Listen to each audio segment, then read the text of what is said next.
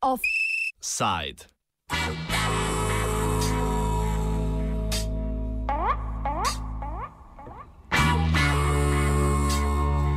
Med spletnimi velikani in svobodo interneta.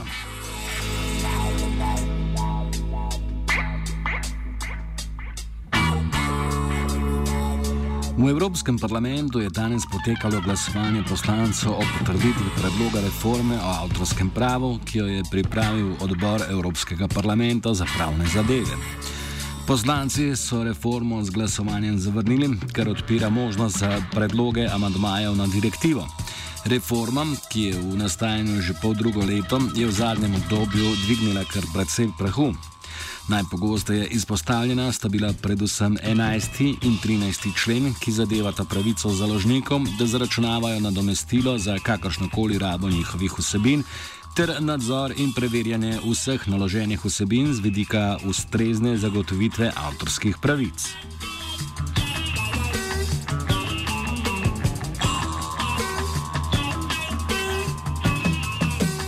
Ne glede na velika nasprotovanja, predvsem omenjenima členoma, se tudi najostrejši nasprotniki strinjajo z nujnostjo sprememb na področju avtorskega prava v Evropski uniji. Reforma v trenutni obliki zadeva lažjo dostopnost starejših knjig in filmov, omogočanje prostega linkanja ter poskušanja delno poenotiti uporabo avtorskih del pri pouku.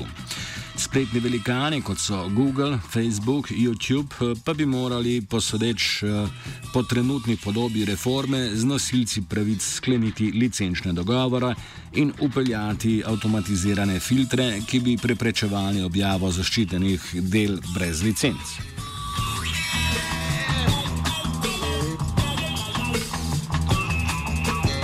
Izid današnjega glasovanja poslancev Evropskega parlamenta komentira dr. Maja Bogataj Jančič z Inštituta za intelektualno lastnino.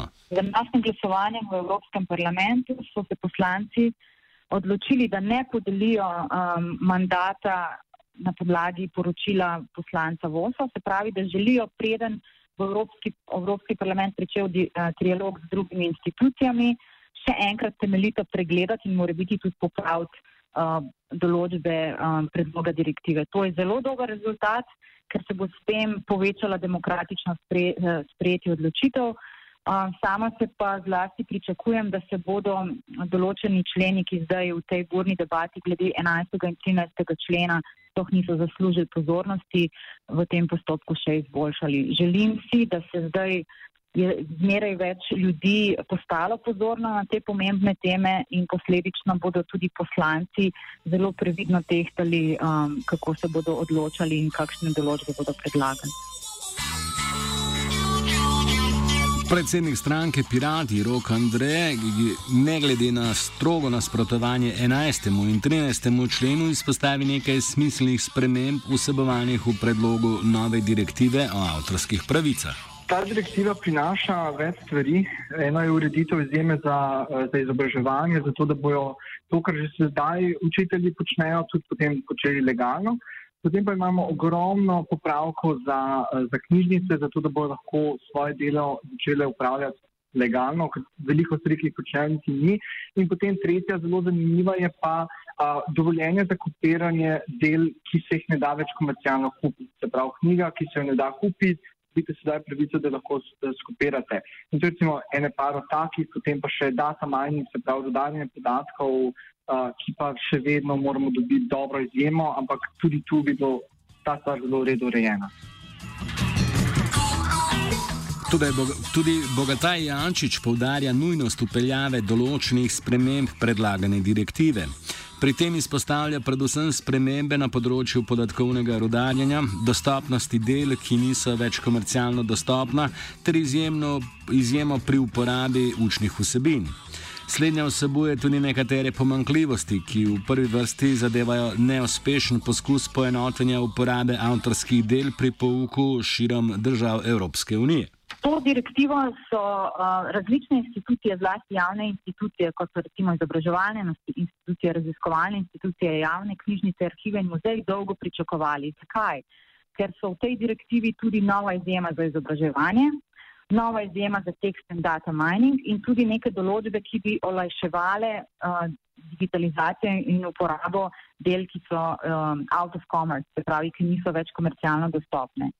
Um, jaz sem se največ ukvarjala tudi kot pravna svetovalka Ministrstva za izobraževanje uh, z, izjem, z novo izjemo za izobraževanje, da izobraževalci šolniki, ko, ko vstopajo v razred, želijo poučevati čim bolj kvalitetno, se ne obremenjevati, kaj je dovoljeno in kaj ne, in se želijo tako izjemo, kot recimo že zdaj obstaja v Estoniji, kjer za nekomercialne namene, za namene izobraževanja, praktično pri pouku lahko uporabljaš um, različne uh, vrste avtorskih del, seveda v določenem omejenem obsegu.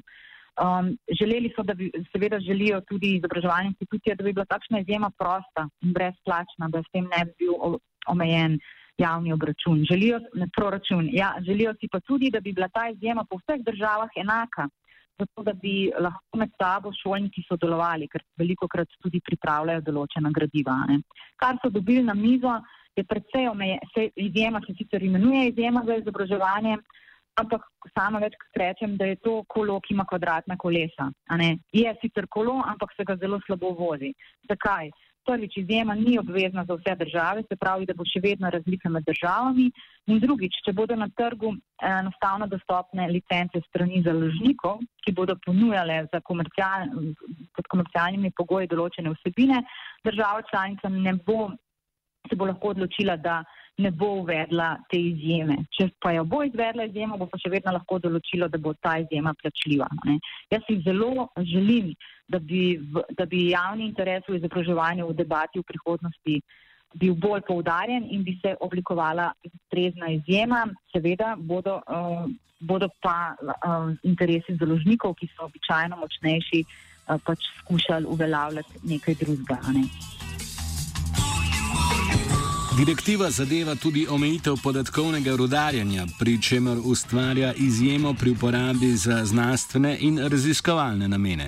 Še ena izjema, ki je zelo pomembna, je izjema za text and data mining. Kako razložiti poslušalcem, kaj pomeni text and data mining? To pomeni, predstavljati si, da, da bi super človek, super računalnik vstopil v knjižnico in jo v enem trenutku celo prebral.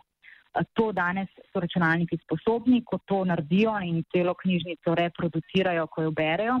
Pa, se, pa je dilema, ali s tem posegajo v uh, pravico reproduciranja ali ne. In za ta namen, da bi se pač povečala pravna varnost, Evropa vzpostavlja posebno izjemo, da je to dovoljeno, ampak to bo dovoljeno samo za raziskovalne namene za raziskovalce. Se pravi, odlično direktiva prinaša nekaj zelo dobrega. Kaj pa je problem? Problem je, da startupi mnogi izmed njih, uh, njihove poslovne med, um, modeli temelijo na, takšni, na takšnih metodah, pač te pravne varovalke niso dobili. In zato jaz več čas opozarjam, da se bodo pač taki startupi svojo dejavnost lahko uh, selili izven Evrope, kar pa najverjetneje za evropsko gospodarstvo ne bi bilo dobro. Bogata Jančič izpostavlja tudi 12. člen direktive, ki zadeva razdelitev pobranih nadomestil med ustvarjalce in založnike. Po celi Evropi uvaja pravilo, ki sicer v, v nekaterih državah že obstaja, da se bodo pobrana nadomestila iz kolektivnega upravljanja ponovem razdeljevala pol pol med posameznike in um, ustvarjalce, se pravi fizične osebe in polovico na stran založnikov.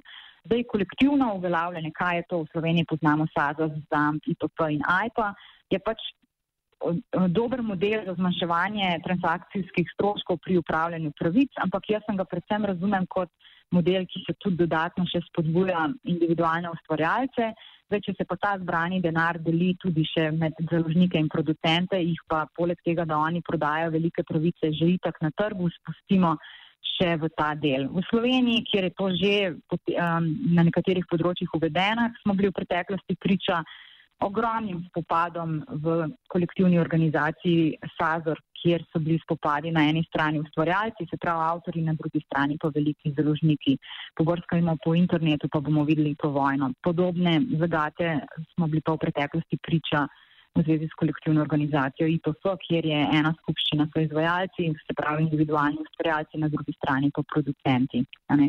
To so take velike spremembe, kjer se kaže, kako avtori niso enako imetniki pravic, pa jih v teh debatah kar veliko krat pozabimo in govorimo, kako bodo določbe, zdaj pa če se vračam na 11 in 13 člen, rešile uh, te razlike in, in bodo um, evropski ustvarjalci nagrajeni, dajmo si naliti čistega vina, ne? ali so to industrije, ali so to dejansko uh, posamezniki. Nadaljujemo s členi direktive, ki so dvignili največ prahu. 11. člen daje založnikom pravico, da v obliki nadomestila zaračunavajo kakršnokoli uporabo njihovih vsebin. To pomeni, da v to kategorijo pade tudi zgolj odlomek s povezavo do vira.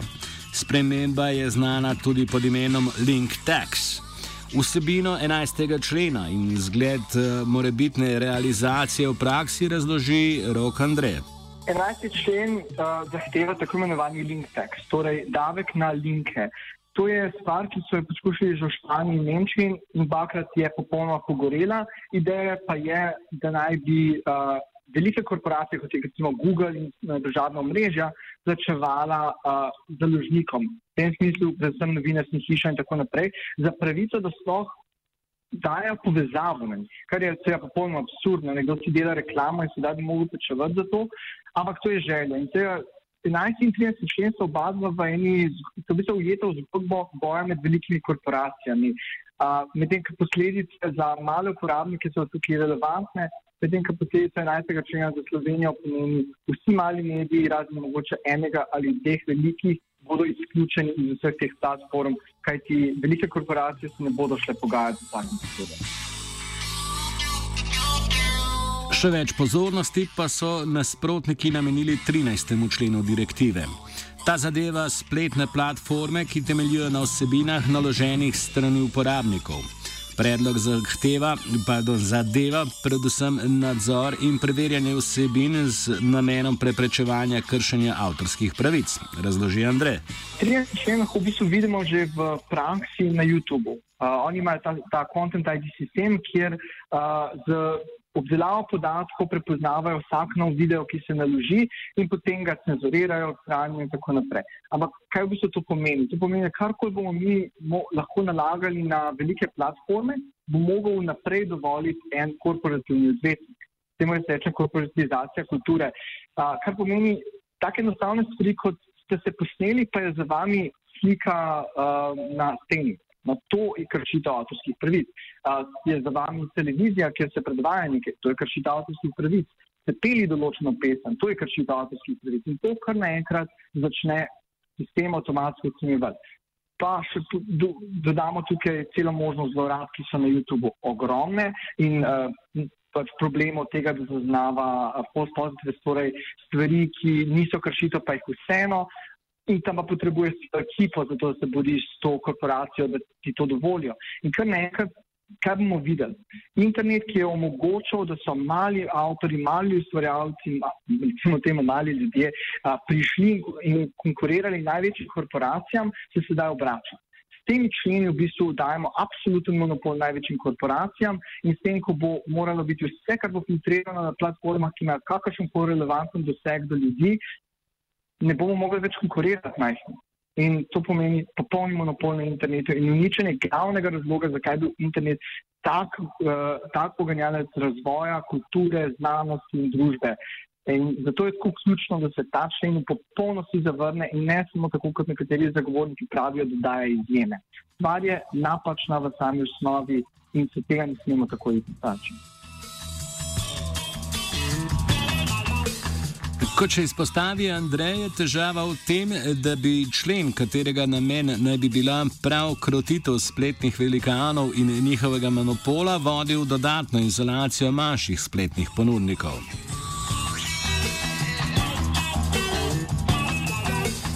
Pri tem lahko uh, izpostavimo še podatke Svetovnega združenja fonogramske industrije, krajše IFPI, iz leta 2015. Spletna platforma Spotify je imetnikov avtorskih pravic na uporabnika namenila 16 evrov, medtem ko je platforma YouTube imetnikom pravic namenila le 1 evro.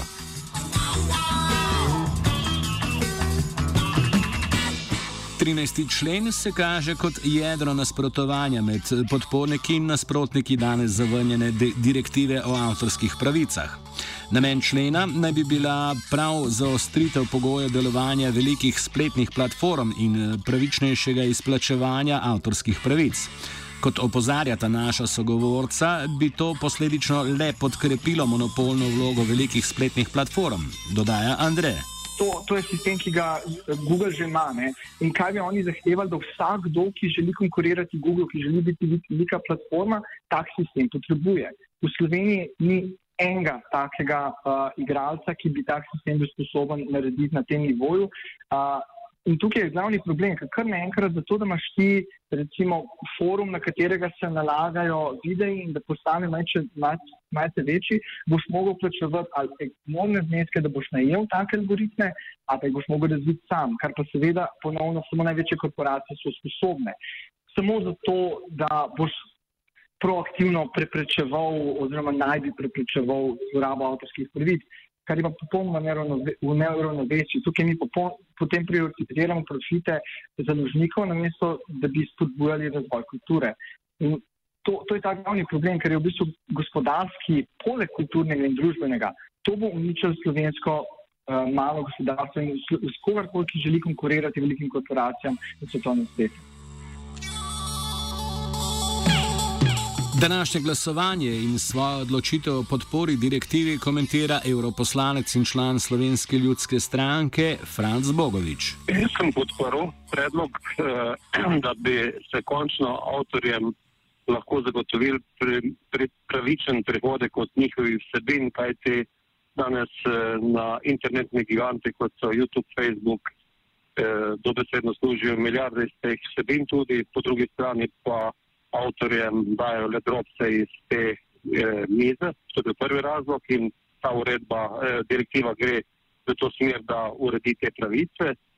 Drugo, mislim, da je eh, besedilo takšno, eh, takšno, takšno besedilo, kot je bilo sprejeto na odboru Juri, primerna osnova za trialog, se pravi, da bi se potem še skupaj z državami članicami, s komisijo prišlo do končnega teksta uredbe in da se vse dileme, ki se pojavljajo v tej široki razpravi, tudi lahko tam odpravijo, oziroma da se izboljša tekst. In tretje, nikakor ne pristaja na to, lahko mirno rečem, ker na zelo brutalno kampanjo, ki jo je izvajal Google, po neki podatki ne bi porabil blizu 35 milijonov evrov za kampanjo in financiranje tistih, ki so z lažmi, neresnicami govorili proti tej direktivi. In eh, mi je me po svoje tudi eh, preseneča, kdo vse je sodeloval v tej kampanji, po drugi strani pa se sprašujem, eh, če po, ko naj bi ta urodja eh, že po eni strani eh, vplivala na volitve v Ameriki, sedaj odločilno vplivajo tudi na odločitve v Evropskem parlamentu in ne pristajam na takšne pritiske in na takšen način delovanja.